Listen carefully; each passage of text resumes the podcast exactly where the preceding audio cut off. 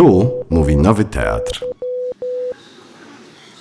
Witamy w gościnnych progach Księgarni Nowej. Jak się przed chwilą dowiedziałam, można tu przyjść i pogrzebać i kupić książkę na żywo w tych okrutnych czasach, ale niestety dzisiaj jesteśmy e, u Państwa w domach, e, w Waszych ekranikach albo ekranach, e, a ja jestem tutaj w Księgarni Nowej wyłącznie z naszym gościem, którym dzisiaj jest Michał Tabaczyński. Dzień dobry. To dzień dobry jeszcze raz. Bardzo mi miło, że dojechałeś do nas w to Mi, mi jeszcze milej. jakże depresyjne, melancholijne, niedzielne, listopadowe popołudnie. Tak po drodze właśnie było. Uważam, że jest to Mistrzostwo Świata, że Anna Klingofer-Szostakiewicz, która y, wymyśliła Twoją obecność tutaj dzisiaj, jest, y, wymyśliła właśnie to, że dzisiaj będziemy mówić o melancholii i raczej, raczej o smutnych tematach, ale postaramy się, trochę światła mamy, mamy czerwony roll-up, mamy tutaj czerwoną Twoją książkę, Pokolenie Wyżu Depresyjnego, wprawdzie, wprawdzie też y, taki, e, powiedziałabym, niezbyt, niezbyt wesoły i jakiś wesołkowaty tytuł, ale okładka jest czerwona. Więc słuchaj, mamy wszelkie predyspozycje do tego, żeby to się udało. Czyli żeby się nie udało de facto. Znaczy Czyli- wyjdzie jak najgorzej, czyli Tak. się uda. Tak. Okej. Ten cykl spotkań polega na tym, że y, gościmy tłumaczy, y, albo pracują, albo właśnie skończyli pracę nad jakimś tekstem, który lada moment ukaże się w wersji książkowej. Y, I Michał Tabaczyński krótko przedstawię, jest slawistą, polonistą, dziennikarzem, ale jest też autorem już kilku książek. Oprócz tej tutaj, którą widzimy, która ukazała się na początku tego roku, Pod koniec pod ubiegłego. koniec ubiegłego, ale właściwie nie robi to różnicy, bo ukazało się przed pandemią, czyli tak, przed tym czy- momentem. przed morową erą. Tak, tak. W ostatnim roku przed morową erą. Właśnie.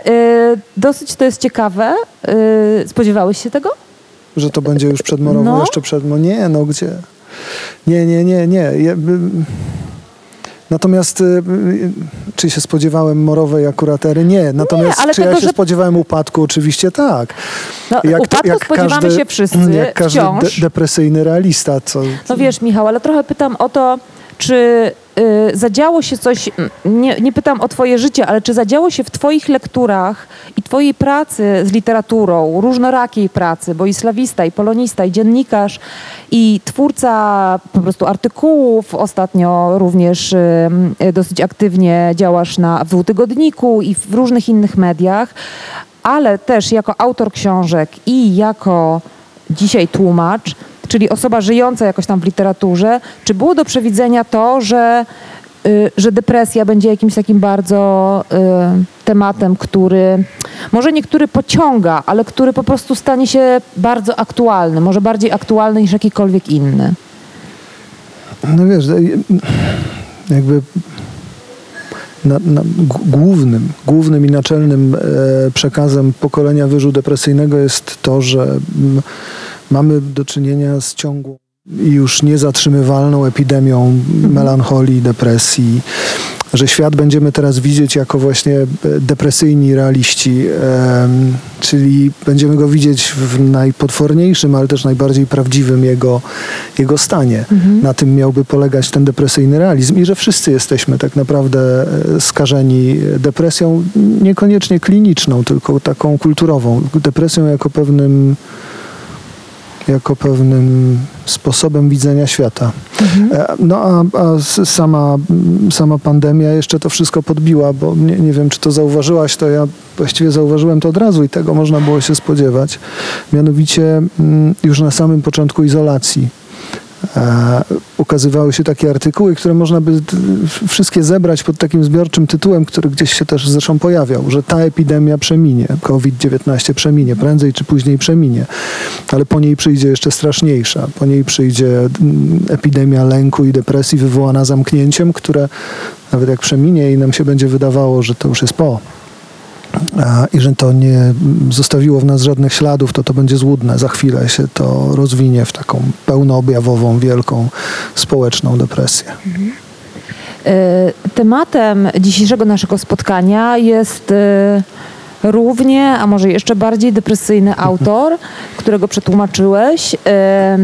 I w związku z tym zastanawiam się, czy, czy to jest tak, że, znaczy wydaje mi się, ten, ten temat dzisiejszego naszego spotkania y, sprawia, że zaczynam myśleć, że to wcale nie chodzi o, o pandemię, o zamknięcie i o depresję, i o czasy, w, który, w których żyjemy. Tylko może y, to, że akurat dzisiaj to tak odbieramy, wynika zupełnie z czegoś innego, z naszej wiedzy, z naszych lektur, z tego, że większość, większość społeczeństwa jednak jest powiedzmy jako tako oczytana, albo przynajmniej przemyślała swoje ja, albo przemyślała swój stan. Jak to, jest? To byłby optymistyczny mm, Ta- obraz no, ja ci mówiłam, ja społeczeństwa. będę ciągnąć to. w tę, w tę optymistyczną. No ja, ja będę ciągnął w drugą, to może będzie dobrze nawet, jak będziemy sobie tę y, depresyjną linę tak przeciągać. Em, nie, znaczy prze- przetłumaczyłem książkę, która, która tak naprawdę odpowiada na większość twoich wątpliwości. To znaczy jednocześnie mówi z taką nie, nieznoszącą sprzeciwu stanowczością, że wszyscy jesteśmy szaleni. Barton przez to uważał, że jesteśmy po prostu melancholijni. To, to, to dla niego było to samo.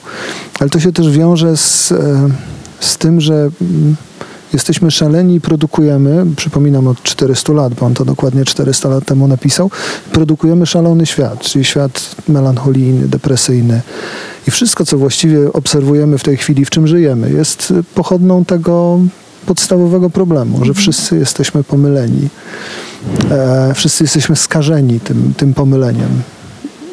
To, to, to oczywiście nie jest, nie, nie, nie można tego czytać w kategoriach na, naszych, na, naszych znaczeń przypisanych chorobie, depresji czy, czy szaleństwu.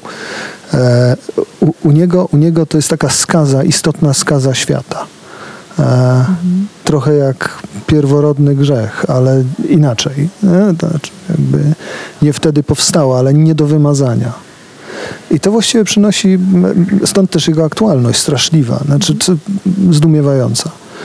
No dobrze, to w takim razie pozwolę ci, żebyś przedstawił swojego autora, żebyś opowiedział, zanim Dobrze. zaczniesz czytać, Tak, to powiedz tak, dobrze trochę, dlatego że y, bardzo pięknie zresztą, podejrzewam, że to ty napisałeś tekst o swojej książce do naszego wydarzenia facebookowego i rzeczywiście ono jest, y, ten tekst jest y, wiele mówiący, ale być może nie każdy z naszych widzów y, Nie, no prze- jasne, jasne, jasne. przeczytał ten tekst. Być może nie każdy spotkał się z postacią Bartona, więc poproszę cię, żebyś opowiedział o autorze i jego dziele, które dzisiaj nam fragmentami przedstawisz. No to jest, to jest, to- jest paradoksalne. Jego istnienie czy nieistnienie też jest niezwykle paradoksalne, bo to jest autor żyjący na przełomie XVI i XVII wieku. E, autor legenda, autor książki legendy również. E, podejrzewam, że porównywalnej w historii myśli europejskiej i historii literatury, bo ja go uważam jednak za pisarza, choć porównuje się go do Bacona, Kartezjusza, tak? to, to jakby ma być w tej samej linii e, twórcą to ja bym go widział jako wielkiego stylista. Znaczy to był po prostu wielki pisarz, fenomenalny. Właściwie filozoficznie filozoficznie e, nie, niespójny, rozedrgany, wciąż wahadłowym ruchem od, jednego do, od jednej do drugiej skrajności myśli się poruszający. E, Natomiast jego, jego pozycję ocenił, określiłbym, czy porównałbym do, do ja wiem, Boccaccia, Dantego. To jest, to jest ta linia wielkich klasyków. I paradoksalność tego istnienia Bertona polega na tym, że mm, przynajmniej no jeszcze tym bardziej w polszczyźnie, że jest legendarny i nieprzyswojony. E, to, to, to jest jakby taka, taka pierwsza, Em, że jest podziwiany, ale nieznany. No, to, to jest, to jest ten, ten pa- paradoksalny obieg, w którym, e, w którym klasyków się zna, ale się ich nie czyta, tym bardziej jak się ich nie ma w przekładzie. E, więc jest autorem ku- kultowym, ale jest autorem jednocześnie zapoznanym. To, to są, to są te, te niezwykłe paradoksy. E, W polszczyźnie go nie mieliśmy do tej pory w dużych wyborach. To znaczy mieliśmy fragment e, Religijna melancholia, to jest fragment ostatniej części e, jego, e, jego no, trzy, trzyczęściowego dzieła. To jest zresztą właściwie jedyne dzieło, które napisał. Jak, mówię o książce Bartona, to to jest jedyna, ponieważ napisał jeszcze tylko taką sztukę, e, która wyszła rzeczywiście jako zwarta publikacja, ale to właściwie nie. nie. I dodatkowo to jest takie dzieło, które on pisał całe życie, prawda? To, to jeszcze, tak, to jeszcze, to jeszcze, e, to, to jest jeszcze dodatkowy walor tego. Jest ogromny. E, Jest, jest ogromne, więc w, po polsku fragment części pierwszej razem z wierszem. Bo W przekładzie twoim, czy Nie, w przekładzie Tadeusza Sławka, a, mm, a religijna melancholia mm, w wydawnictwie Nomos. Nie chciałbym skrzywdzić tłumaczki mm, przekręcając jej nazwisko. Anna Zazuń? W każdym razie, jeśli mylę się, bardzo przepraszam, ale istnieje to i to jest fenomenalne, ale oczywiście e, nie, nie, nie, za, zapoznany. Ten przekład całkiem niedawny, bo sprzed pewnie dekady. E, właściwie nigdy nie został przyzwojony w polszczyźnie. E, być może też winę mm, ponosi za to mm, tematyka. No, religijna melancholia nie jest jakoś szczególnie może chwytliwa. Że zaraz będzie. może, może, znaczy na pewno będzie. Berton to udowadnia zresztą świetnie, że i te problemy z religią, religijnością, jej społecznym wymiarem mamy wciąż nieodrobione od jego czasów. E, To, to, żeby tak go przedstawić, poza tym paradoksem, no to urodził się w 1577, e, według ówczesnego kalendarza jeszcze szóstym, to był początek roku, w lutym. Zmarł w 1640. A, I właściwie całe życie zajmował się rzeczywiście tylko książką. E, Jest, no jest autorem, o którym niewiele wiemy, to znaczy oczywiście znamy daty, znamy profesje, znamy wpisy do ksiąg e, uniwersyteckich, więc wiemy gdzie studiował i kiedy, ale mamy oczywiście pełno białych plam, nie wiemy co tak naprawdę wydarzyło się w czasie studiów, które jak na tamte czasy rozciągnię, rozciągnięte były ponad wszelkie miary. E, Wtedy kończyło się jednak dużo szybciej, a on do 20 bodaj 8 roku życia przebywał na uniwersytecie jako, jako student. A później e, właściwie c- zajmując się tym, tym, tym gigantem, tym, tą, tą monstrualną książką, właściwie w życiu nie robił nic innego i żadnej kariery ani duchowej, bo był e, księdzem duchownym anglikańskim. E, I był też, no jak to sam pisał wiele razy, szkolarzem. był, był akademikiem. E, Natomiast kariery ani w jednej, ani w drugiej profesji nie zrobił, ponieważ karierę zrobił jako jeden z największych pisarzy świata wszechczasów. To coś za coś. E, Coś za coś. E, Wydał, wydał, wydał Anatomię melancholii w roku 21, XVII wieku. E, Przy czym nasza premiera ma być, e, ma mieć miejsce w dokładnie dniu, w którym on postawił ostatnią kropkę i podpisał datę na końcu książki, wysyłając tym samym tekst do drukarza. Czyli? Czyli 5 grudnia e, 1620 roku. 5 grudnia 2020 roku, e, 2020 roku e, przypada 400-lecie tego wydarzenia i no i e, więc Wydawnictwo. wydawnictwo Hart opublikuje, e, opublikuje ten wybór, bo to od razu trzeba powiedzieć, z 1300, w różnych wydaniach różnie, ale z 1300 stron przetłumaczyłem ledwie kilkanaście procent, e, a i tak ledwo, ledwo żyję. E, Natomiast e, starałem się ułożyć, to jest taki czasem mi się zdaje, nie wiem czy go nie skrzywdziłem, bo to zawsze jest taka mm, wątpliwość, czy się autora nie skrzywdzi jakoś. Natomiast starałem się bardzo nie oczywiście i mm, chciałem, chciałem pokazać na tych kilkunastu procentach, które zrobiłem, pokazać całość w takim, no, mam nadzieję, że sprytnym, bardziej sprytnym niż mniej, przynajmniej chwycie opowiedzenia o tym w różnych częściach, e, które nie składają się, znaczy nie są tożsame z częściami samej, samej księgi, ale prowadzą taką narrację przez kilka wątków e, bartonowskiego mm, no, wszechświata, świata.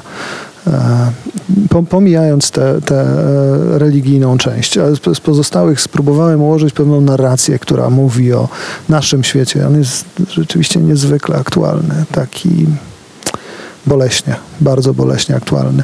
No i cóż, y, był rzeczywiście, aha, jeszcze tylko powiem, że był, no, był takim mm, był figurą melancholii oczywiście sam, sam, e, sam on jako autor tego dzieła, ale także jako człowiek, melancholik, e, który przez to właśnie i przez temat swojego dzieła jest podejrzewany również o to, że swoje życie mógł skończyć samodzielnie. E, także z pomocą własnej ręki i sznura. E, nie, nie ma na to żadnych dowodów, tym bardziej, że mm, pochowano go w katedrze Christchurch, także, także, ale, ale są, jest kilka w każdym razie e, poszlak, które mm, poddają wątpliwość naturalność jego śmierci. E, Więc figura melancholii na wiele, wiele lat. E, Ksią- to autor książki rzeczywiście absolutnej legendy. No to zajrzyjmy do samego tekstu. To, to zajrzyjmy. Ja y, przygotowałem, e, bo, bo sam mój wybór, to jeszcze tylko tak opowiem o, o konstrukcji. Sam Bardzo mój cię wybór składa się z czterech części. Em, Ka- każda jest poświęcona czemu innemu, czterech części i wierszy. Na początku mm, Barton zaczyna swój, swój, e, swoją książkę trzema wierszami, mm, dwoma angielskimi, jednym łacińskim. Te dwa angielskie też znajdują się w mojej wersji anatomii w mojej anatomii. No to jest właśnie, wiesz, to jest ten, e, to jest ten moment, w którym, To jest prawo tłumacza do mówienia tak o swojej książce, wiesz? no właśnie, ja, ja, ja wiem, ja wiem, tylko właśnie trzeba uważać, żeby, żeby nie krzywdzić, żeby, żeby tego autora zbytnie nie, nie posiąść. Y, Więc e, w tym moim Bartonie, y, ja tylko jeszcze chcę przeprosić, że mówię tak po polsku, ale wydaje mi się zawsze to jakoś niezwykle sztucznym, gdybym mówił Robert Burton za każdym razem i będę więc mówił Robert Burton tak Wiem, że brzydko, ale też naturalnie. No, w tym sensie jest to nasz autor, tym bardziej jak będę tego po polsku wymawiał.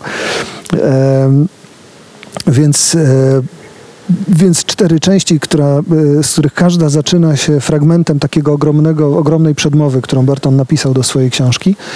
Najlepszej literacko, fenomenalnej, retorycznie, no brawurowej po prostu, jeśli chodzi o pisarski e, warsztat. E, i wybrałem właściwie tylko fragmenty z, z tej przedmowy. Ona jest, jak mówię, najciekawsza i taka najbardziej zadziorna. To zaraz coś wybiorę. Znaczy nie wybiorę, tylko już zacznę czytać. Em,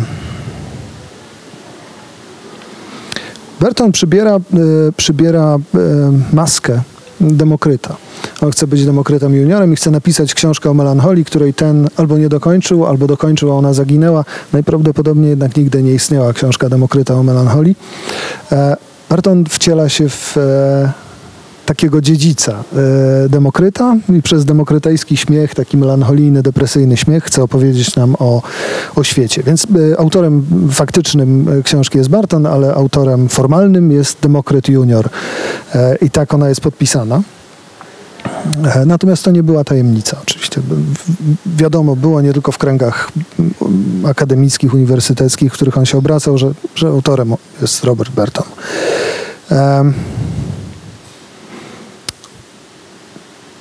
Jak tymczasem to wszystko ma się do mnie, mówi Berton o demokrycie i przybraniu tej maski. Albo na podstawie jakiego podobieństwa przywłaszczam sobie jego usposobienie. Rzeczywiście muszę przyznać, że po tym, co tu powiedziałem, jakiekolwiek porównanie z nim byłoby zuchwalstwem i arogancją. Nie ośmielam się wskazywać żadnych podobieństw. Wyprzedza mnie on tak dalece, że ja nic nie znaczę. Jestem nikim, z niewielkimi ambicjami i nikłymi, nikłymi perspektywami. Tyle powiem o sobie z nadzieją, że nie narażę się na podejrzenia o próżność czy chełpliwość, iż prowadziłem życie skromne, osiadłe, prywatne, z sobie amuzą na uniwersytecie, jak ksenokrates w Atenach do późnych lat, by jak on zdobyć mądrość w całości niemal będąc oddany własnym studiom. Ukształtowała mnie bowiem najświetniejsza z Akademii Europy i mógłbym się właściwie przechwalać, jak Paolo Giovio, że 37 lat korzystałem z tego zrządzenia losu, które pozwoliło mi prowadzić studia w znanej na cały świat Bibliotece Watykańskiej. 30 kolejnych lat rozwijałem się, mogąc korzystać jako on z najlepszych bibliotek, jako szkolarz. A nie chciałbym za nic okazać się darmozjadem, nieproduktywnym i niegodnym członkiem tej wspaniałej i uczonej społeczności, ani też pisać niczego, co z tej królewskiej, wspaniałej instytucji przyniosłoby ujmę. Co zdołałem uczynić mimo mojego duchownego powołania, wynikało z, jak to ujął Scaliger, nieokiełznanego dowcipu, niestałego i zmiennego umysłu, bo miałem wielkie pragnienie, nie będąc w stanie osiągnąć choćby powierzchownej biegłości w żadnej dziedzinie, zdobyć ogólną orientację we wszystkim, być znawcą wiedzy ogólnej, lecz ignorantem z każdej z dziedzin. Jak zalecał Platon, a za nim Lips i inni, aby odcisnąć swój ślad na powszechnym mniemaniu, a nie być niewolnikiem jednej nauki, czy też zamieszkiwać w granicach jednej dziedziny, jak to robi większość, ale grasować po przyległych polach, być tym, co chwyta się za wszystko, w każdej łodzi brać się do wioseł, posmakować każdego jadła, z każdego kubka pić, co jak twierdził Montaigne było udziałem Arystotelesa, y, a także jego uczonego krajana Turbe. E, jaki właśnie niespokojny, ta, taki właśnie niespokojny charakter, daleki jednak od ich sukcesów, miałem i ja, jak wiecznie goniący za czymś spaniel, który szczeka na każdego przelatującego ptaszka, przerywając co chwilę swoją pogoń, rzucałem się na wszystko dookoła, zamiast zająć się tym, czym powinienem. I mogę słusznie narzekać, jak skromnie przyznawał Gessner, że przeczytałem, jednak bez szczególnego pożytku, wiele książek w poszukiwaniu właściwej metody. W naszych bibliotekach bezładnie potykałem się o kolejnych przeróżnych autorów z niewielkim zyskiem dla zaspokojenia pragnienia artyzmu, porządku, pamięci, osądu. Nigdym nie odbywał podróży innych niż palcem po mapach, które moim nieograniczonym niczym myślom pozwalały na swobodne dywagacje, jak to szczególnie bywało, gdy z zachwytem studiowałem kosmografię. Urodziłem się pod udzielną władzą Saturna w jego szczycie i tak dalej, a Mars jako prawodawca charakteru tworzył z mym ascendentem harmonijny trygon. Obie planety wielce szczęśliwe w swych zodiakach. Ani nie jestem biedny, ani bogaty. Niewiele posiadam, niczego nie pragnę. Cały majątek mieści się w wieży Minerwy. Jak nie dostąpię większego awansu, tak nie jestem za nikomu zobowiązany, a moje zdolności, chwała Bogu, zawdzięczam moim szlachetnym, a szczodrym patronom i wciąż wiodę życie na kampusie, jak Demokryt w swoim ogrodzie. Życie zupełnie mnisie, bo to wystarczająca dla mnie rozrywka, z dala od wrzawy i niedogodności świata. Jak to powiedział Hensius, w jakimś wysokim miejscu ponad wami wszystkimi. Jak ten stoicki filozof ogarniający jednym spojrzeniem wszystkie epoki, od najdawniejszych po obecną.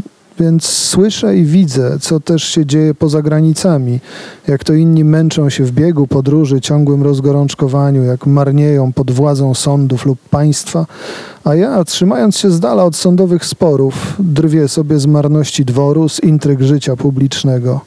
Śmieję się temu wszystkiemu w twarz i dbam jedynie, by swoje sprawy zaasekurować, okręty moje uchronić przed zgubą, plony i stada zachować, interesy ustrzec przed ruiną, bo nie mam ani żony, ani dzieci, których byt musiałbym zabezpieczyć.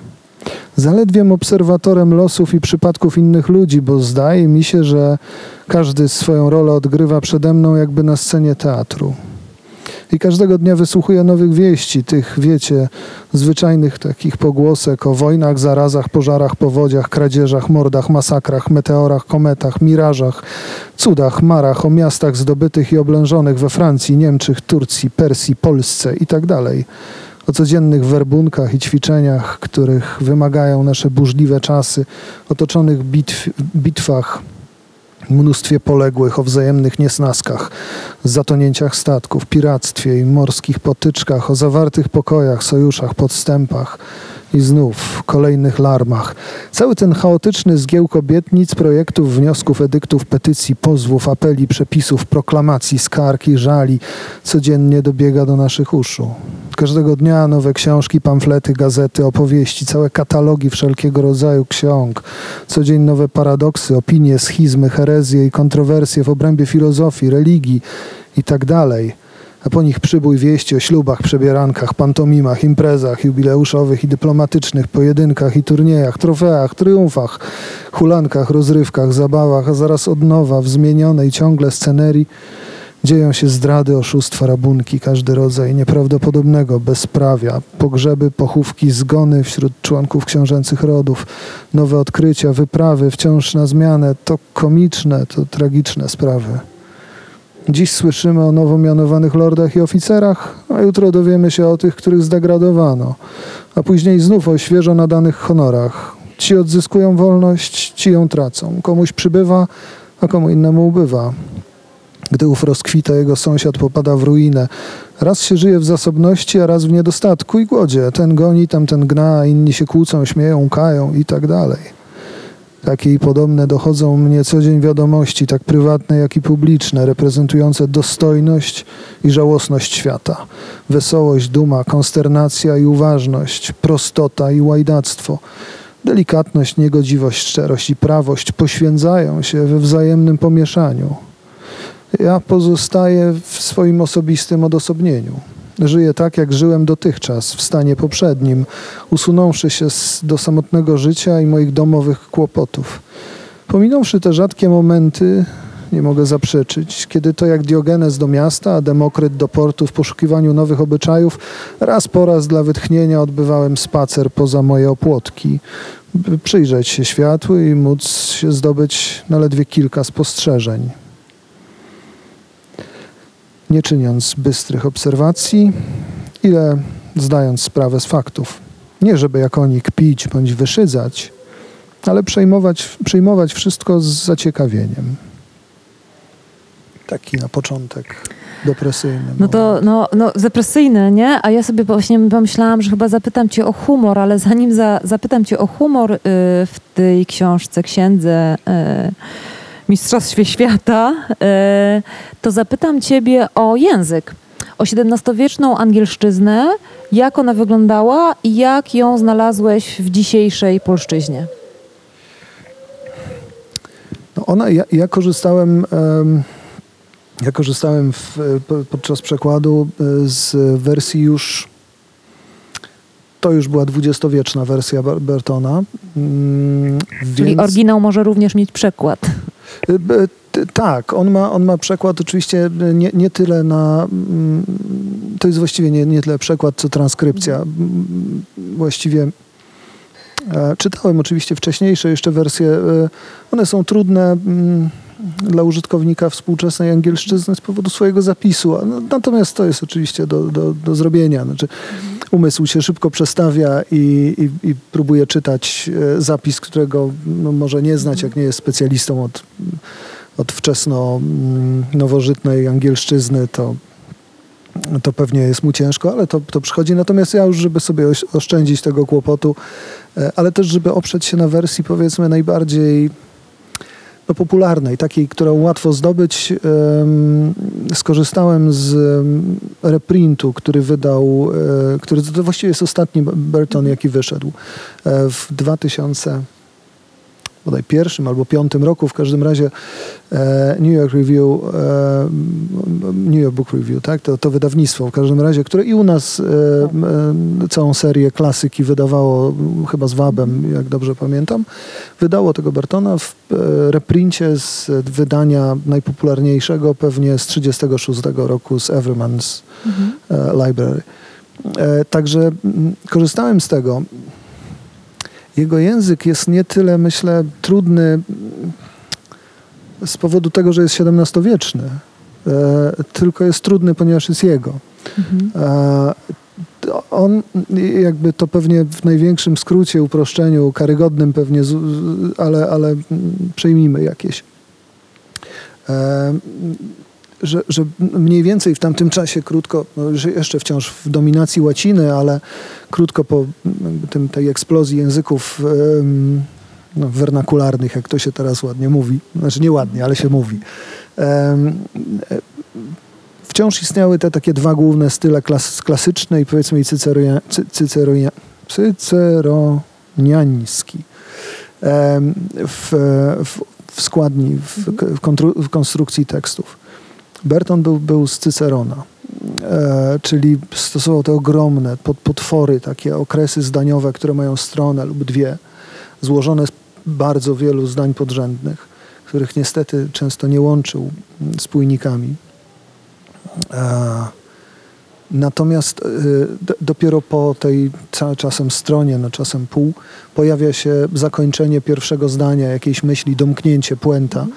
I to jest właściwie jeden z największych problemów, em, e, chociaż polszczyzna sobie oczywiście świetnie z nim radzi, ale jednak e, to jest jeden z największych problemów w moim mm, odczuciu, w tłumaczeniu Bartona, że trzeba udźwignąć e, to zdanie wielokrotnie złożone, ono jest po- potężnie rzeczywiście poskładane.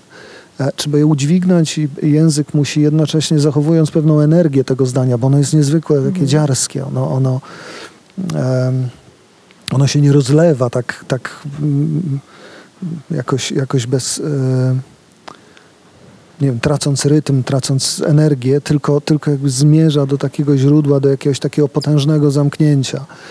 E, I na dodatek niestety ono, zachowując cały czas tę właśnie wielką energię, myślę, w pewnych momentach zostaje tak rozsadzane, na przykład nadmiarem enumeracji, które to było słychać, one, one są też, też ogromne. To jest po kilkanaście nazw, które na dodatek są oczywiście synon, no, bliższymi bądź dalszymi, często synonimami, bądź jedno jest drugiego, jedno jest metonimią drugiego. E, Też regi oczywiście to, to jest następny jakiś taki problem, żeby, żeby, to, żeby to chwycić, nie, nie, nie rozwodnić, nadać temu też rytm, żeby było, żeby ta enumeracja też nie, się nie zrobiła takiego balona w tym zdaniu, tylko żeby jednak sprawnie przeszła. E, tak opisuję wszystkimi takimi metaforami przestrzennymi, ale to akurat przy- przestrzenno-przyrodniczymi. Ale u, u, Bartona to akurat całkiem dobrze by się pewnie sprawdziły. Tak? Znaczy jest jakaś spójność w tym. Em, I, I to właściwie jakby konstrukcja taka zdaniowa, ta podstawowa na, na, na najniższym poziomie jest chyba moim zdaniem największym problemem. Mm, no, każdy inny Ale właściwie... też domyślam się jakąś zabawą, bo czytałeś to z jakimś takim, y, no nie wiem, miałam wrażenie, tutaj siedząc w odpowiednim dystansie od ciebie, ale miałam jednak wrażenie, że jesteś zadowolony ze swojej pracy, z jakby z efektu swojej pracy, że czuje się, że znaczy też słychać, że to, że to zdanie płynie, tak? Ono, Znaczy- ono jest, ono ma sens nawet w swojej ogromnej jakiejś długości, tak?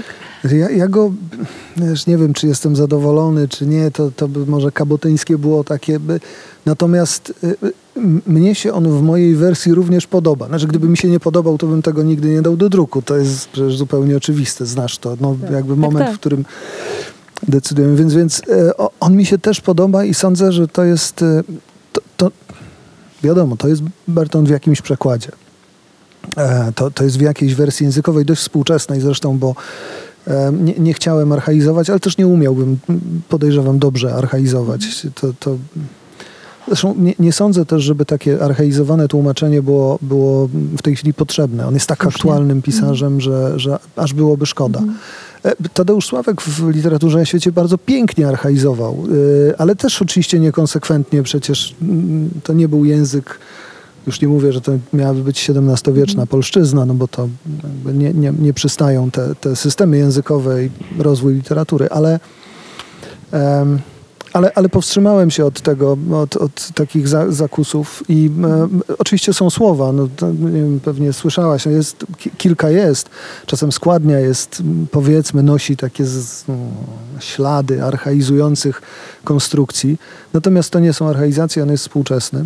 No ale wiesz, nawet gdyby były archaizacje, to one po prostu dodają temu tekstu jakiejś takiej dostojności, raczej bym powiedziała, takiej uczoności być Co, może. Coś takiego. To znaczy, ja, ja miałem nadzieję, że takie delikatne sygnały tego, że ten tekst jednak jest aktualny, ale powstał no, 400 lat temu. Tak. No, no, one, one podejrzewam nie, nie wypaczają jego natury, tym bardziej, że on, ja to- jeszcze muszę zaznaczyć, ja nie czytam już tego, dlatego tak czasem się zacinam w tym czytaniu, ponieważ Berton cytował, i to ekstensywnie, cytował e, łacińskich autorów. Znaczy, w ogóle cytował, nie tylko łacińskich, e, ale łacińskich cytował w oryginale. Czasem ich przekładał, ale rzadko. E, Natomiast on, one są oczywiście już w. Większość tych cytatów jest w nowoczesnych edycjach tłumaczona. E, jak- nie były tłumaczone, to też starałem się je jakoś tam do, dopełnić.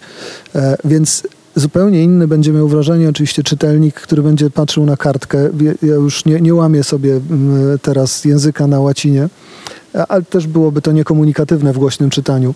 E, więc on jest upstrzony łaciną. Znaczy cały ten tekst jest...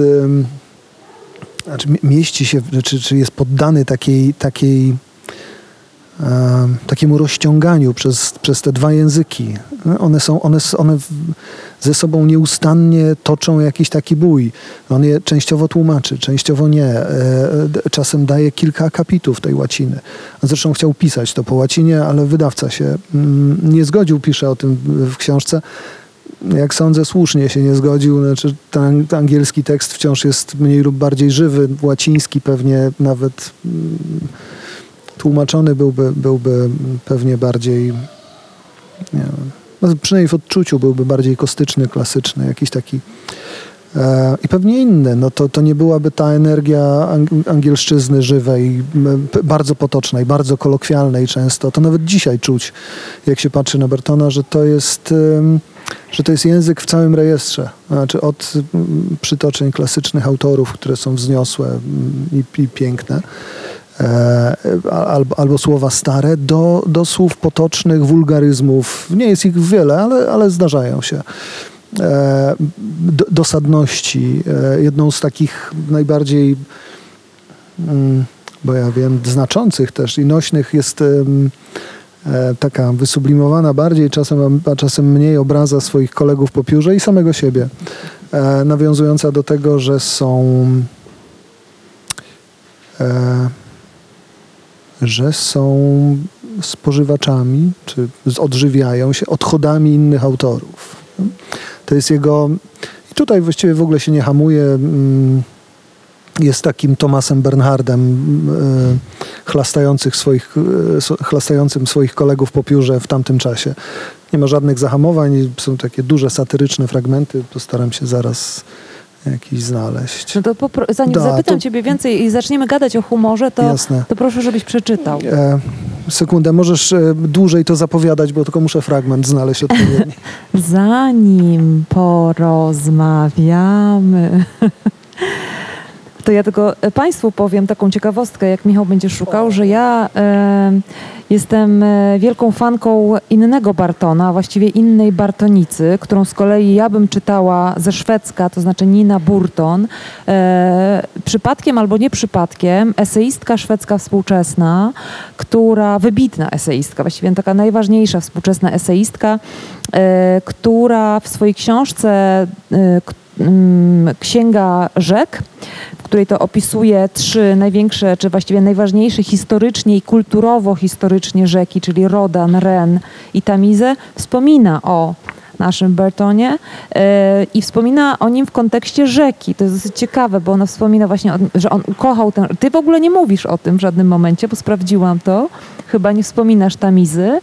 Natomiast ona twierdzi, no ale ona jest skupiona w ogóle na, na, na rzekach i na, i na akurat tutaj Tamizie. Wspomina, że Barton ukochał tę rzekę i właściwie to były jedyne momenty, gdyby właściwie nie zostawił e, brzegu rzeki, wybierając się chociażby do Oksfordu, to być może wcale by nie został melancholikiem tym, którym został, ponieważ rzeka płynąca i ta zmieniająca wciąż tafle wody, nie wiem, e, pod względem dźwiękowym i pod względem właśnie wzrokowym e, go, go jakoś tak rozkoszowała, więc dla niego była bardzo ważna, a ponieważ rzadko, zbyt rzadko wracał nad, nad Tamizę, to, to właśnie ta melancholia, nie wiem, pewnie krajobrazu właśnie takiego Tak, braku pewnego. Braku rzeki, tak. Jest, jest kilka metafor rzecznych. Mm, jest- są me- metafory wioślarskie.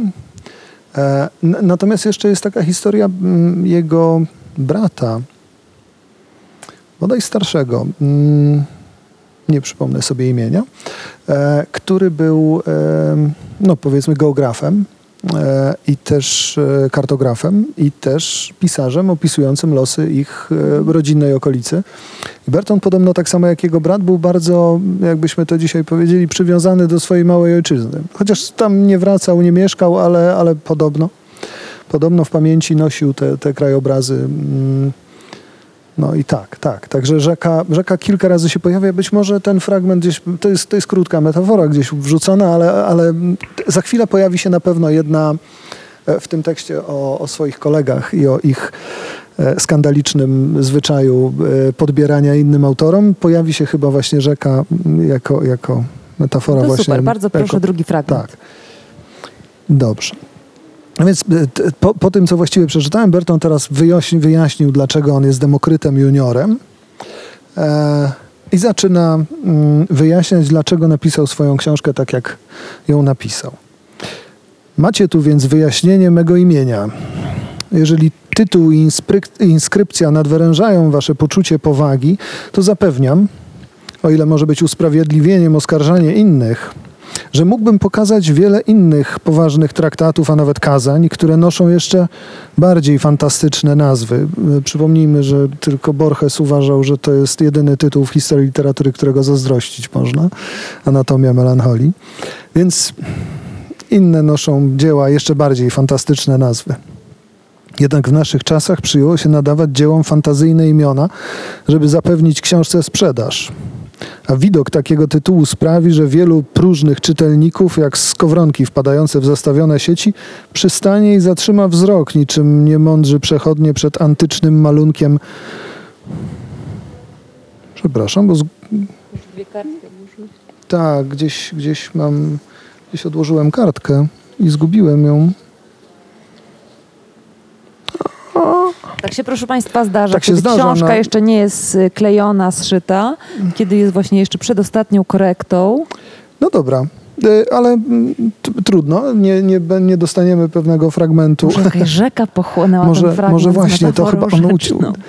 Natomiast mm, spokojnie, bo b- dalej mamy mm, o kolegach. Także nie, nie zgubimy jego wysublimowanych mniej lub bardziej obraz. Mógłby zaiste ktoś wysnuć taki wniosek, że to bezcelowa praca. To samo, tylko innymi słowami od nowa i znowu. I po co to wszystko? To, co można dobrze wyrazić, nie powinno zostać zaniechane, jak w podobnej kwestii uważał Lukian. Ilu znakomitych medyków napisało już całe tomy obszernych traktatów na ten temat. Tu nie daje nic nowego, wszystko jest kradzione. Moja stronica wyzywa mnie, ty złodzieju. Jeżeli uznać ten surowy sąd Synezjusza, wedle którego większą jest zbrodnią kraść myśli umarłego, niż zedrzeć z niego ubranie, co by zostało z większości pisarzy? Zatem zaciskam dłonie na więziennej kracie razem z resztą autorów skazany za te zbrodnie. Przyznaję się do winy i z radością tłoczę się wraz z nimi w celi. Tak to już jest. Wielu piszących cierpi na manię pisania, a pisanie książek nie ma końca, jak powiedział dawny mędrzec w tej epoce pisma, kiedy szczególnie niepoliczalna jest liczba książek, jak to stwierdził pewien szlachetny mąż, a prasy drukarskie cierpią ucisk. Stąd za sprawą nieopanowanej chęci autoprezentacji, rządzy sławy i zaszczytów, piszemy więc wszyscy, zarówno uczeni, jak i ignoranci. Człowiek będzie pisał bez względu na wszystko i zewsząd z trudem wynajdywał to, co mu ma posłużyć. Opętany rządzą sławy, nawet w czasie choroby, nadwyrężając swoje zdrowie i ledwo mogąc utrzymać w dłoni pióro, musi się wypowiedzieć, żeby wyrobić sobie nazwisko, jak mówi Scaliger nawet za cenę upadku i ruiny wielu innych. Aby być zaliczonym do grona pisarzy, być traktowanym jako pisarz, być uważanym za wszechstronnego, za polihistora, pośród ciżby ignorantów zyskać poklask za swój bezwartościowy talent, zostać królem papierowego królestwa, bez nadziei na zysk, za to z widokami na sławę. W tej rozgorączkowanej epoce pełnej wybujałych ambicji, jak urągał Scaliger, Ci, którzy rzadko kiedy nadstawiają ucha, muszą najpierw stać się mistrzami i nauczycielami, zanim nauczą się słuchać. Rzucą się więc do nauki, do wiedzy cywilnej, wojskowej, teologicznej, humanistycznej. Przeczesywać zaczną indeksy broszur w poszukiwaniu odniesień, jak kupcy zapoznający się z położeniem nieznanych przystani będą pisać opasłe tomy, a przez to nie staną się lepszymi szkolarzami, ale większymi gadułami. Zazwyczaj deklarują, że to dla powszechnego dobra, ale jak zauważa Gessner, powoduje nimi tylko duma i próżność. Nic nowego, nic wartego odnotowania, ale wciąż to samo innymi słowami. Muszą pisać, żeby zapewniać robotę drukarzom, albo chociaż dać znać, że żyją. Jak aptekarze każdego dnia wyrabiamy nowe mikstury. Przelewając zawartość jednej buteleczki do drugiej. Jak starożytni Rzymianie, którzy grabili wszystkie miasta świata, żeby przystroić ten ich fatalnie położony Rzym, tak my zbieramy śmietankę z pracy innych umysłów, rwiemy najpiękniejsze okazy kwiatów z ich wypieszczonych ogrodów, żeby upiększyć nimi nasze jałowe rozważania. Jak mówi Paolo Giovio, swoje chude książczyny szpikują tłuszczem z dzieł innych autorów, niepiśmienni złodzieje i tak dalej. Ta wada jest udziałem każdego, każdego pisarza, teraz ją znajduje w sobie, a mimo to wszyscy ją sobie nawzajem przypisują. E, ludzie trzech liter wyzywa wszystkich Barton, a tu musi, muszę zrobić przypis, to jest łacińskie fur złodziej. To, taki tak, op, oprzedł chwilowo e, swoje obelgi, ale zaraz zaczyna od nowa. Wszyscy oni złodzieje, podkradają coś stale dawnym autorom, żeby zapchać te swoje nowe dopiski. Grzebią w odchodach Eniusza, albo jak ja sam, w demokrytowych nieczystościach. Dlatego tak się dzieje, że nie tylko nasze księgarnie są pełne prześmierdłego papieru, ale też nocne szafki i latryny.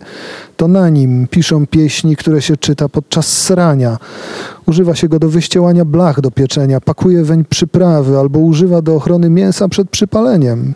U nas we Francji, mówi Scaliger, każdy posiada możliwość, ale niewielu zdolność pisania. Dotychczas naukę uświetniała praca rozsądnych uczonych, ale teraz ją znieważają pośrednie i niedouczone pisarzyny, których motywacją jest próżność, bieda i chęć zarobku że jak pasożyty lgną do wielkich ludzi i wydają z siebie błahostki, bzdury i niedorzeczności. Pośród wielu tysięcy autorów ledwie znajdzie się jeden, którego lektura chociaż o ciupinkę was uszlachetni, a nie, jak bywa częściej, zwiedzie na manowce i sprawi, że człowiek skończy czytać pogłębiony, a nie pognębiony. Zdarza się więc często, że wielka księga okazuje się wielkim szubrastwem. Cardano oskarżał Francuzów i Niemców o to, że ich pisanina nie ma większego sensu. Nie żeby zakazywał im pisać, ale domagał się, by pisma te nosiły ślady ich własnej inwencji.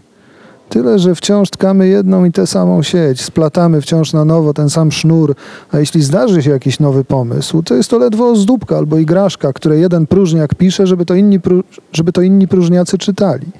Więc kto tego niby nie potrafiłby wymyślić? Człowiek taki musiałby być obdarzony zupełnie jałowym umysłem, żeby w tych rozpisanych czasach niczego nie zrodzić. Książęta wystawiają dumnie swoje armie, bogacze chlubią się siedzibami, żołnierze prezentują swoje męstwo, natomiast uczeni afiszują się swoimi igraszkami. Koniecznie muszą pisać, chcąc nie chcąc, muszą nasłuchiwać. Cały tegoroczny urobek tej gromady poetów, pisarz y, Pliniusz y, żalił się Quintusowi Sosjuszowi, w kwietniu jeden po drugim recytował, jakiż to opasły katalog nowych tytułów z tego roku, z tej doby, przynoszą targi frankfurckie i nasze krajowe. Dwa razy w roku wydatkujemy na próżno nasze wielkie pokłady energii. Jeśli więc nie dojdzie do szybkiej reformy, czego tak pragnie Gessner, za sprawą książęcego edyktu i solennej kurateli, które by wolność tę ograniczyły, będzie się to tak toczyć in infinitum. A gdzie znajdzie się ten żarłoczny czytelnik? Kto je wszystkie przeczyta? Już teraz mamy wielki książkowy chaos i zamęt, jesteśmy nimi przytłoczeni. Oczy nas bolą od czytania, palce od przewracania kartek. Jeżeli o mnie chodzi, jestem jednym z tego wielkiego grona, którzyśmy tylko cyframi. Nie przeczę. Jedyne, co mam do powiedzenia, to powtórzyć za makrobiuszem. Wszystko to moje, ale nic do mnie nie należy. Taki No to opowiedz o tym humorze, bo y, wydawałoby się, że humor i taka melancholia, wręcz depresyjność to są, tak jak powiedzieliśmy na początku, te dwie, dwa końce jakiejś, wiesz, ogromnej przestrzeni, nawet nie jednej liny. One, one, one są... Mm, Jaki jest mechanizm tego humoru w tym tekście? to jest jeszcze tylko, powiem ci, powiem ci tak, że y, ten humor nie jest... Y, on się nie wziął znikąd u Bartona. To znaczy on, on daje jemu bardzo dobre podstawy e, w osobie, której imię przybiera, czyli w Demokrycie.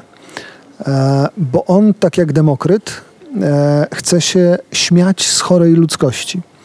E, Przytacza cały ten list Hipokratesa, który przy- przychodzić ma do Demokryta na prośbę mieszkańców Abdery, którzy boją się, że Demokryt zwariował, ponieważ śmieje się bez przerwy z ludzkiego nieszczęścia.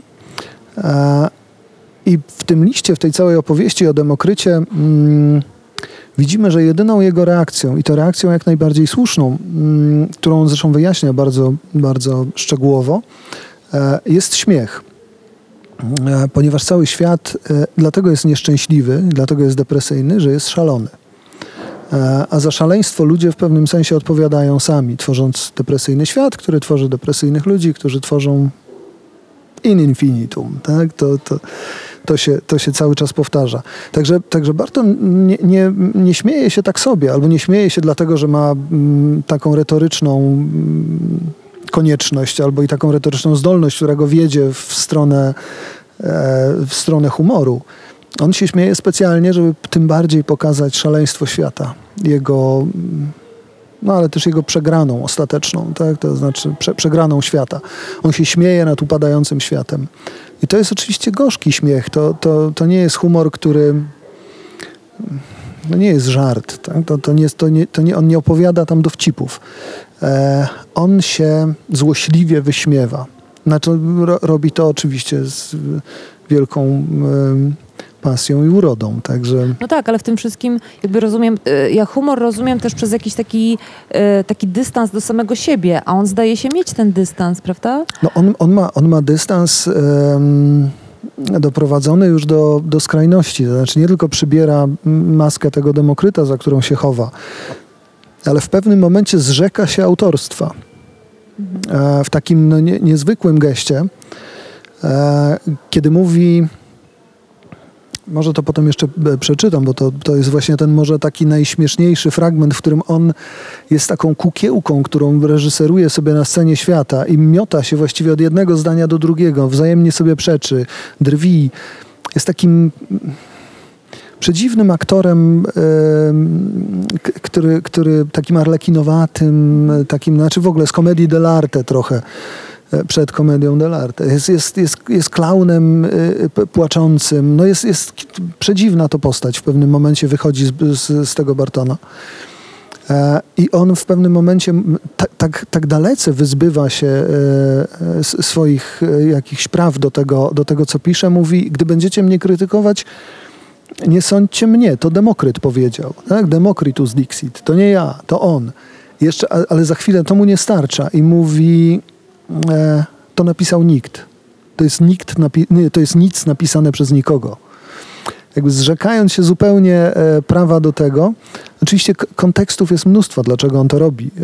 Em, on przez całą tę księgę na przykład e, usprawiedliwia się, że podejmuje błahe tematy, na przykład temat miłości, kiedy jest duchownym, znaczy dokładnie teologiem, jak to mówi, tak? To, e, ale on z różnych powodów e, podejmuje tę przedziwną grę śmiechu i płaczu, Także dlatego, że, że właściwie no, naczelnym znakiem e, anatomii melancholii jest nieoznaczoność, którą on ogrywa na, na niezwykle, w, w, w niezwykle finezyjny sposób, ale właśnie na wiele sposobów.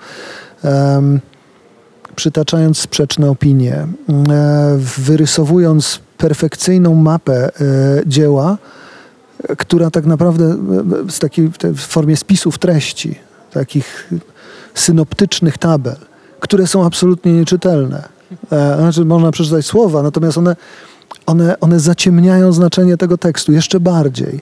E, Tworzy fenomenalną zupełnie no, do, do, do szaleństwa doprowadzoną matematyczną em, strukturę tego tekstu, e, składającego się z rozdziałów, podrozdziałów, akapitów, podakapitów. Wszystkie są numerowane i tytułowane i całą tę misterną strukturę rozpiża zupełnie, żeby utkać poszczególne fragmenty tekstów w najróżniejszych jej e, mi- miejscach, które nijak mają się tak naprawdę do tego, co powinno tam być.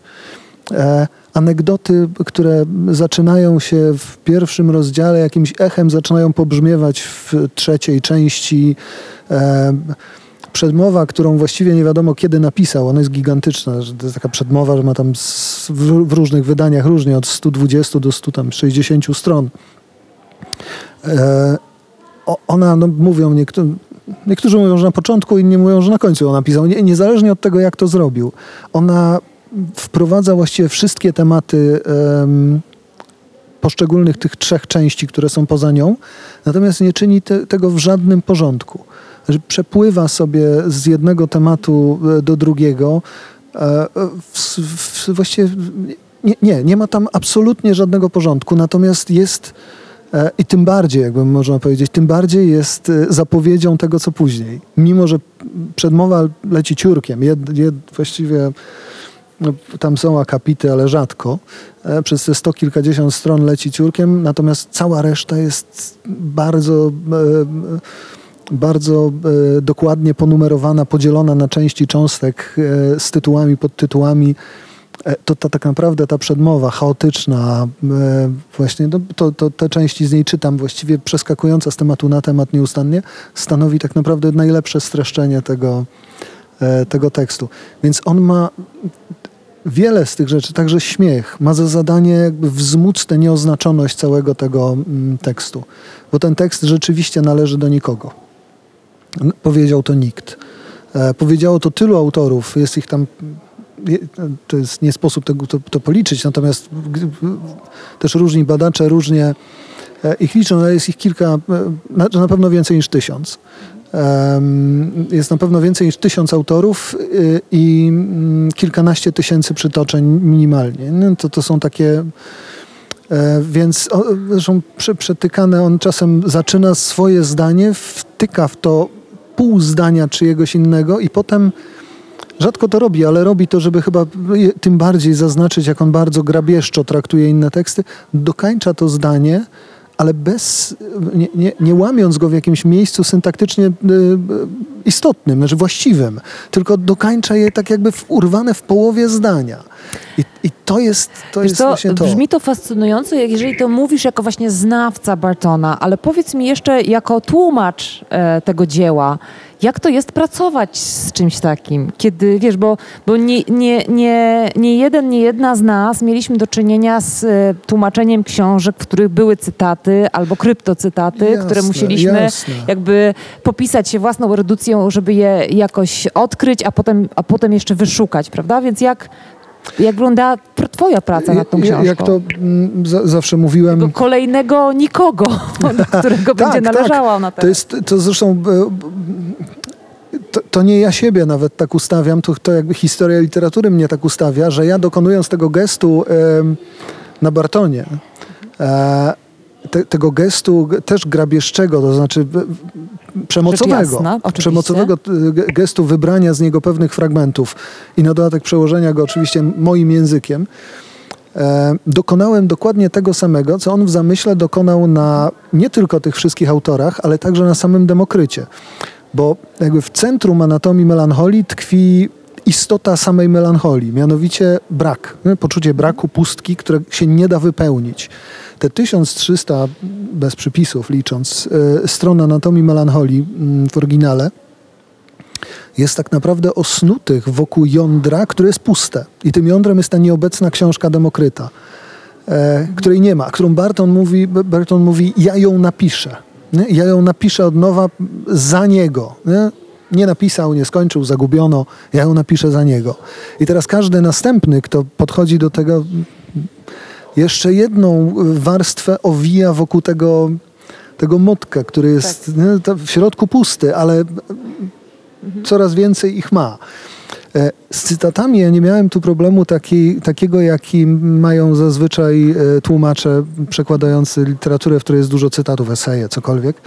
Otóż ja zdecydowałem się, jako że cytaty są czasem możliwe do znalezienia, natomiast Berton je przetłumaczył, e, albo ich nie przetłumaczył, albo przetłumaczył je sam.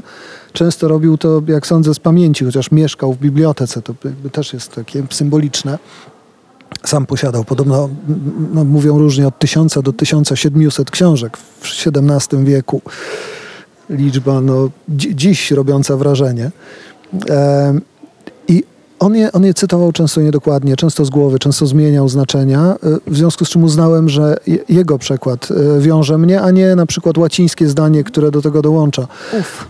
y, one są często do znalezienia. To znaczy, często są też braki, często tych książek w ogóle nie ma. One istnieją w jakiejś takiej szczątkowej formie. To są jakieś astrologiczne książki z XVI wieku na przykład. No, po polsku ich nie może być. Em, Znaczy, właściwie mogą, ale ich nie ma. E, więc ja, więc ja e, postanowiłem po prostu tłumaczyć jego. E, jego, ewentualnie czasem redaktorów, którzy, którzy sugerując się tekstem i kontekstem Bertona, e, da, dawali odpowiednie e, tłumaczenia, które nie były przetłumaczone. Więc uf, tu, tu mi odeszło to. Nawet Biblię traktowałem dość swobodnie, to znaczy dostosowywałem odpowiednie cytaty do, do, em, do kontekstu, w którym on je, on je umieszczał i co prawda korzystałem głównie z Biblii Gdańskiej, ale właściwie z każdej, która w tym momencie pasowała najlepiej. Y, Też uznając, że on też nie cytował zresztą Biblii króla Jakuba, tym bardziej, że żył w czasach, w których ona dopiero powstawała. No, wtedy, wtedy to się toczyło.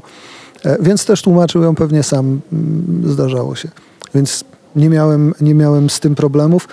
Największy problem tak naprawdę chyba, on, on, się, on się nie wiąże z tłumaczeniem. Znaczy, to jest taka odpowiedzialność wyboru tego. No, raczej em, em, więc, więcej, mm, więcej odpowiedzialności czułem jako kompilator czy antologista niż. No nie, może nie. To, to, to, to fałszywie by zabrzmiało pewnie i, i, i niepra- to jest zresztą nieprawdziwe chyba. Ale, ale b- bardzo mm, t- trudnym etapem był wybór tego. To prawda, że z tych 1300 chciałem ułożyć pewną opowieść, która by się dobrze czytała mm, i dla współczesnego czytelnika była też znośna. Ja- bym, ja bym z chęcią zobaczył mm, przekład całości po polsku. Znaczy nie zrobiłbym go pewnie, ale bym z chęcią, to przekracza moje siły i kompetencje chyba. Natomiast chętnie bym zobaczył go. Natomiast nie sądzę, żeby znalazło się więcej niż kilku, kilkunastu czytelników, którzy by go w ogóle przeczytali. W takiej... Ale chciałbyś dlatego, że uważasz, że, taka, że w całości ta książka by nam się przydała? Czy, czy po prostu z takiej filologicznej ciekawości chciałbyś Ra, raczej filologicznej, tak.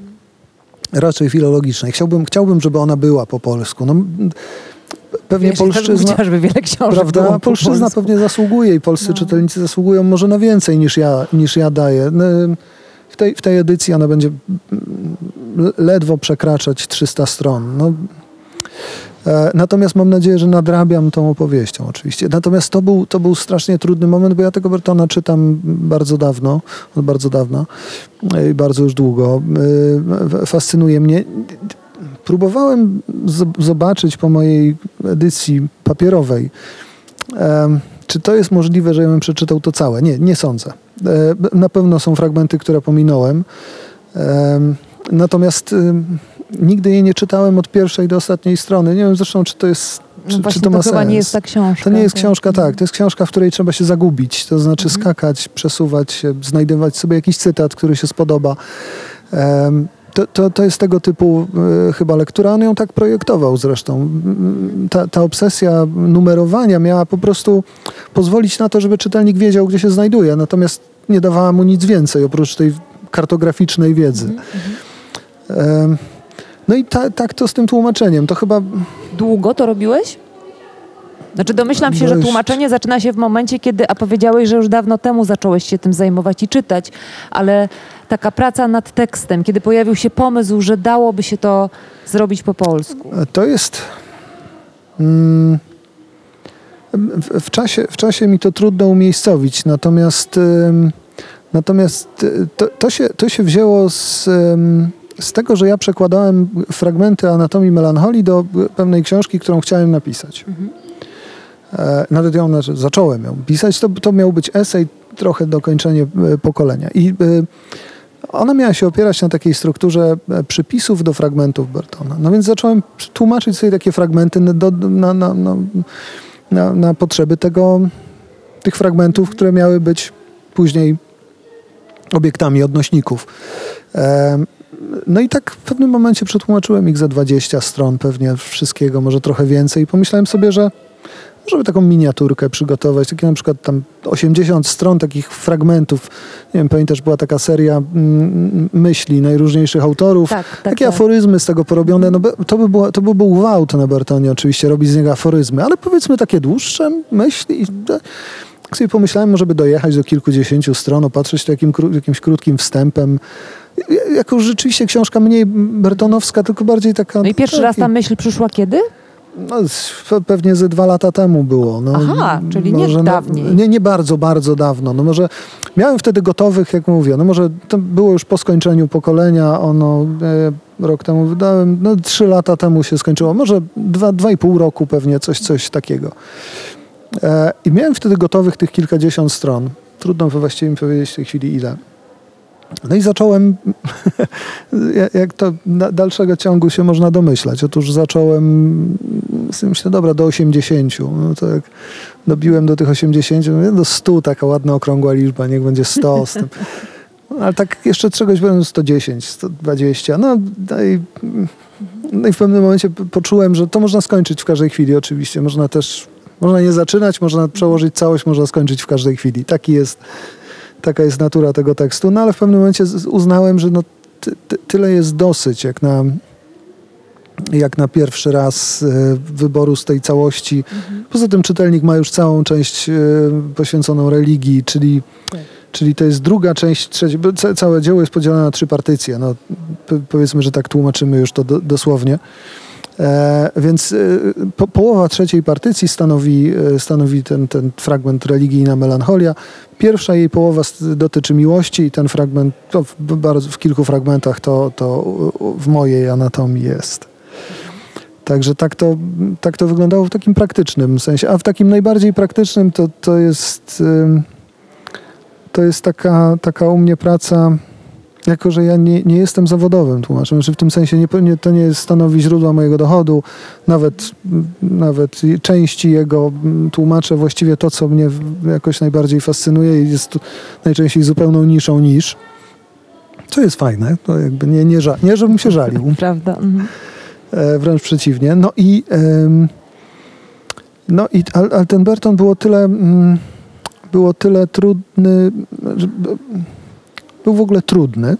W związku z czym, jak na przykład moja żona, którą, która musiała znieść mój dwuletni pobyt w XVII-wiecznej Anglii, czy chciała, czy nie, e, pytała, i co, co dzisiaj robisz? No to ja mówiłem, że Barton. I jak idzie? No, zdanie po zdaniu. I mniej więcej to, to, to oddaje e, jedyną, jedyną moją ro- rozsądną koncepcję tego tłumaczenia. Zdanie po zdaniu. Trochę jak himalaista idący na szczyt, nie? Takie krok za krokiem. Tak? Nie ma nic więcej oprócz następnego zdania. Nie ma nic więcej od następnego kroku. No tak, ale to jest możliwe, myślę sobie, w momencie, kiedy miałeś rzeczywiście tak dogłębnie przeczytane to To dzieło, prawda, to prawda, tak, nie dało tak, się tak, robić tak. inaczej. Znaczy to, że, to, że ja rzeczywiście je wertowałem w- od, od naprawdę dawna, yy, na, na początku jeszcze w wersji elektronicznej, to w ogóle jest przedziwna, przedziwne doświadczenie zanurzenia, bo właściwie można skakać pomiędzy tymi wszystkimi częściami, zupełnie nie orientując się w geografii książki. To znaczy to... Nie wiemy, w którym podrozdziale, którego rozdziału mm, teraz jesteśmy. Mm, Elektroniczna wersja tego nie podpowiada, pokazuje jakieś procenty przecież tylko. E, e, panuje zupełny chaos i to, i to było też dziwaczne doświadczenie. A potem w papierowej wersji dużo oczywiście łatwiej mi się czytało, bo już znałem pełno tych fragmentów i, i ją mogłem sobie wertować.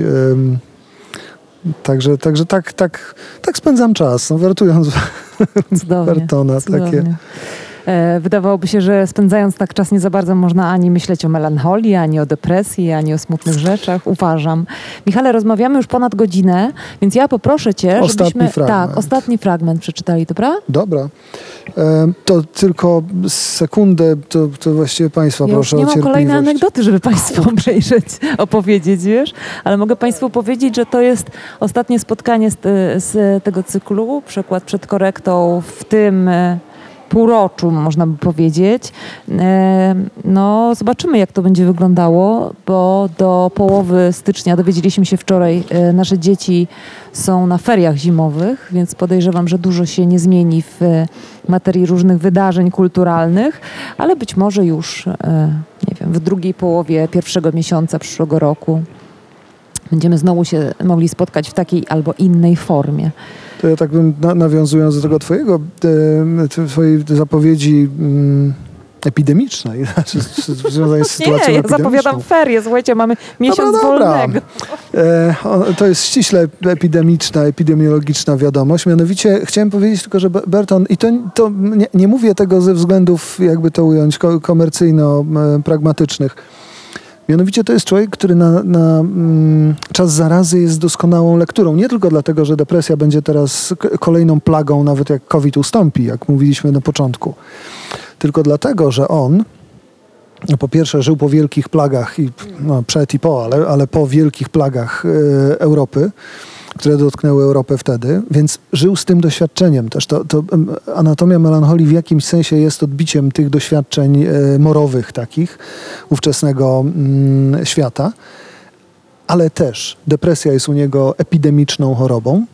E, O tym ba- ba- badacze piszą wprost, choć on do, dokładnie o tym tak nie pisze, natomiast wyjaśnia to wszystko e, w ten sposób, że w, dzisiejszych kategoriach byśmy mówili, e, depresja jest wielką zaraźną plagą, po prostu wielką.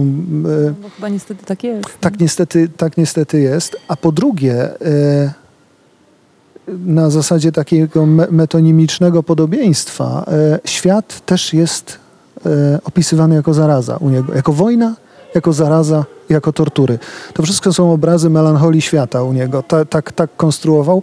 No nie, nie, nie bez przyczyny oczywiście. Żyjąc w tamtych czasach tak widział świat, ale my niestety musimy go widzieć tak samo.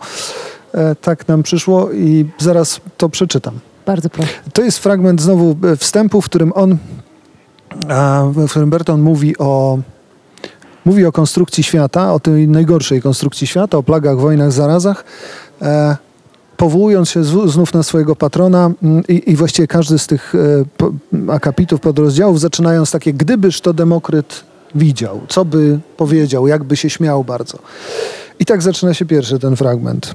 Gdyby Demokryt żył w naszych czasach, gdyby tylko mógł zobaczyć zabobony naszej epoki, nasze religijne szaleństwo, jak to nazywa Metaran, Meteran, religiozam insaniam, wszystkich tych zdeklarowanych chrześcijan, wśród których tak niewielu znajdzie się naśladowców Chrystusa. Tyle debat o religii, tyle uczoności, tak niewiele uczynności, tak wiele wiedzy, tylu jej głosicieli, a tak niewiele wynikającej z tego praktyki.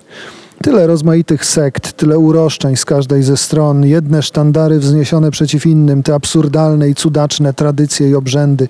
Gdybyż mógł spotkać kapucyna, franciszkanina, faryzejskiego jezuitę, człowieka węża, zakutanego w habit, mnicha z tą surą, brata żebraczego, albo ujrzał im zwierzchnego, udzielnego władcę jego wysokość papieża, po trzykroć koronowanego ubogiego następcę Piotrowego, tego sługę Bożych sług, który kopniakiem zwala stronów królów, cesarzom depcze gardła i każe im boso stać u swoich bram albo prowadzić swojego konia i tak dalej. Gdybyż tylko Piotr z Pawłem mogli to ujrzeć, gdyby zobaczył, jak książę pełznie uniżenie, żeby ucałować papieski but, gdyby widział tych purpuratów, niegdyś biednych plebanów, a dziś kompanów książęcych, co by na to powiedział? Głupota puka do samych bram niebieskich. Gdybyż spotkał naszych pątników, którzy na bosaka pielgrzymują do Jeruzalem, do panienki z Loreto, Rzymu, Santiago de Compostela, do sanktuarium świętego Tomasza, aby się płożyć przed tymi toczonymi przez czerwie szemranymi relikwiami. Gdyby uczestniczył we mszy i widział te znaki pokoju, pocałunki składane na krucy- krucyfiksach, zgarbione plecy i zgięte karki, te ich strojne szaty i obrzędy, wizerunki świętych, rozpasanie, odpusty, czuwania, posty, uczty, krzyżowania, bicie się w piersi, padanie na kolana przy Ave Maria, te wszystkie wyborne przedstawienia ku uciesze plepsu, modlitewne brednie, różańcowe mamrotania.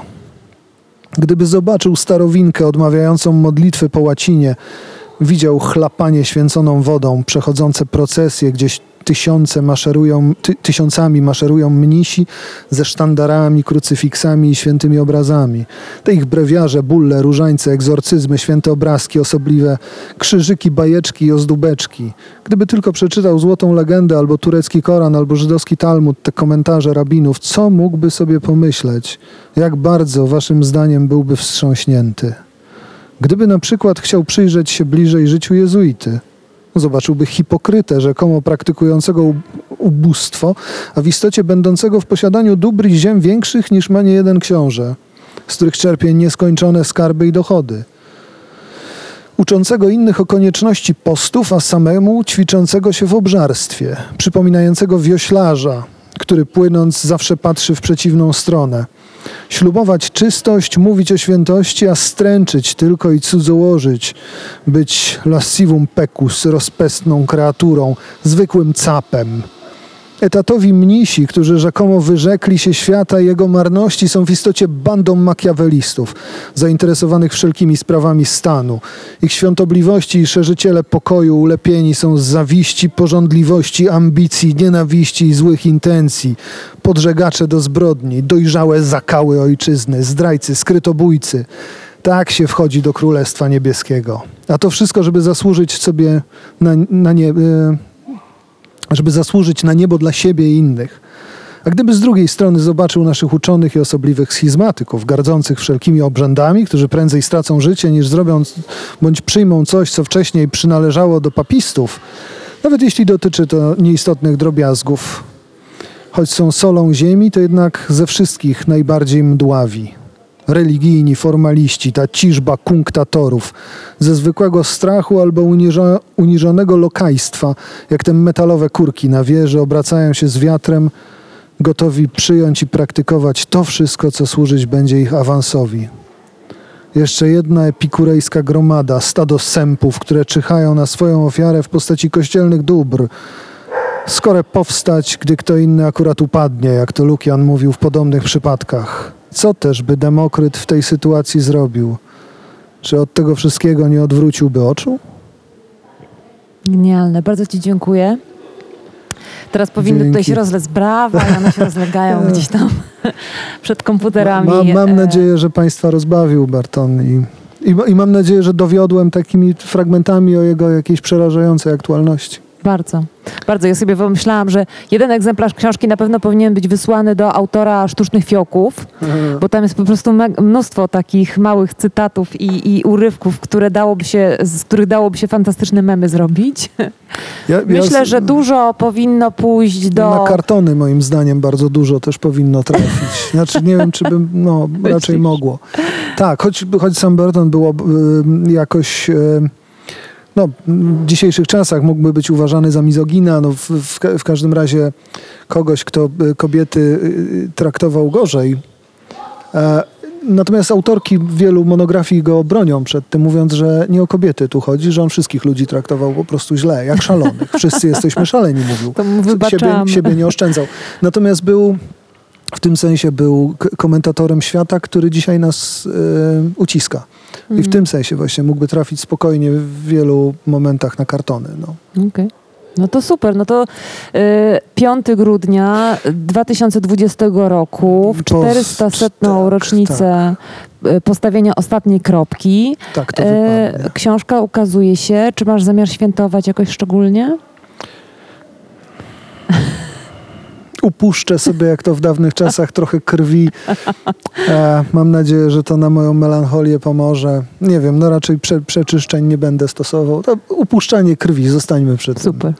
Taki E, dobry sposób na wszystko. Bardzo Ci dziękuję. Proszę Państwa, moim i Państwa gościem w kolejnym tym jesiennym e, spotkaniu z cyklu Przekład przed korektą był Michał Tabaczyński, którego gościliśmy e, w przyjaznej, gościnnej księgarni nowej w Jak zawsze. Warszawie. Jak zawsze gościnnej, tak. Jak zawsze gościnnej, jak zawsze e, ze świetną selekcją książek.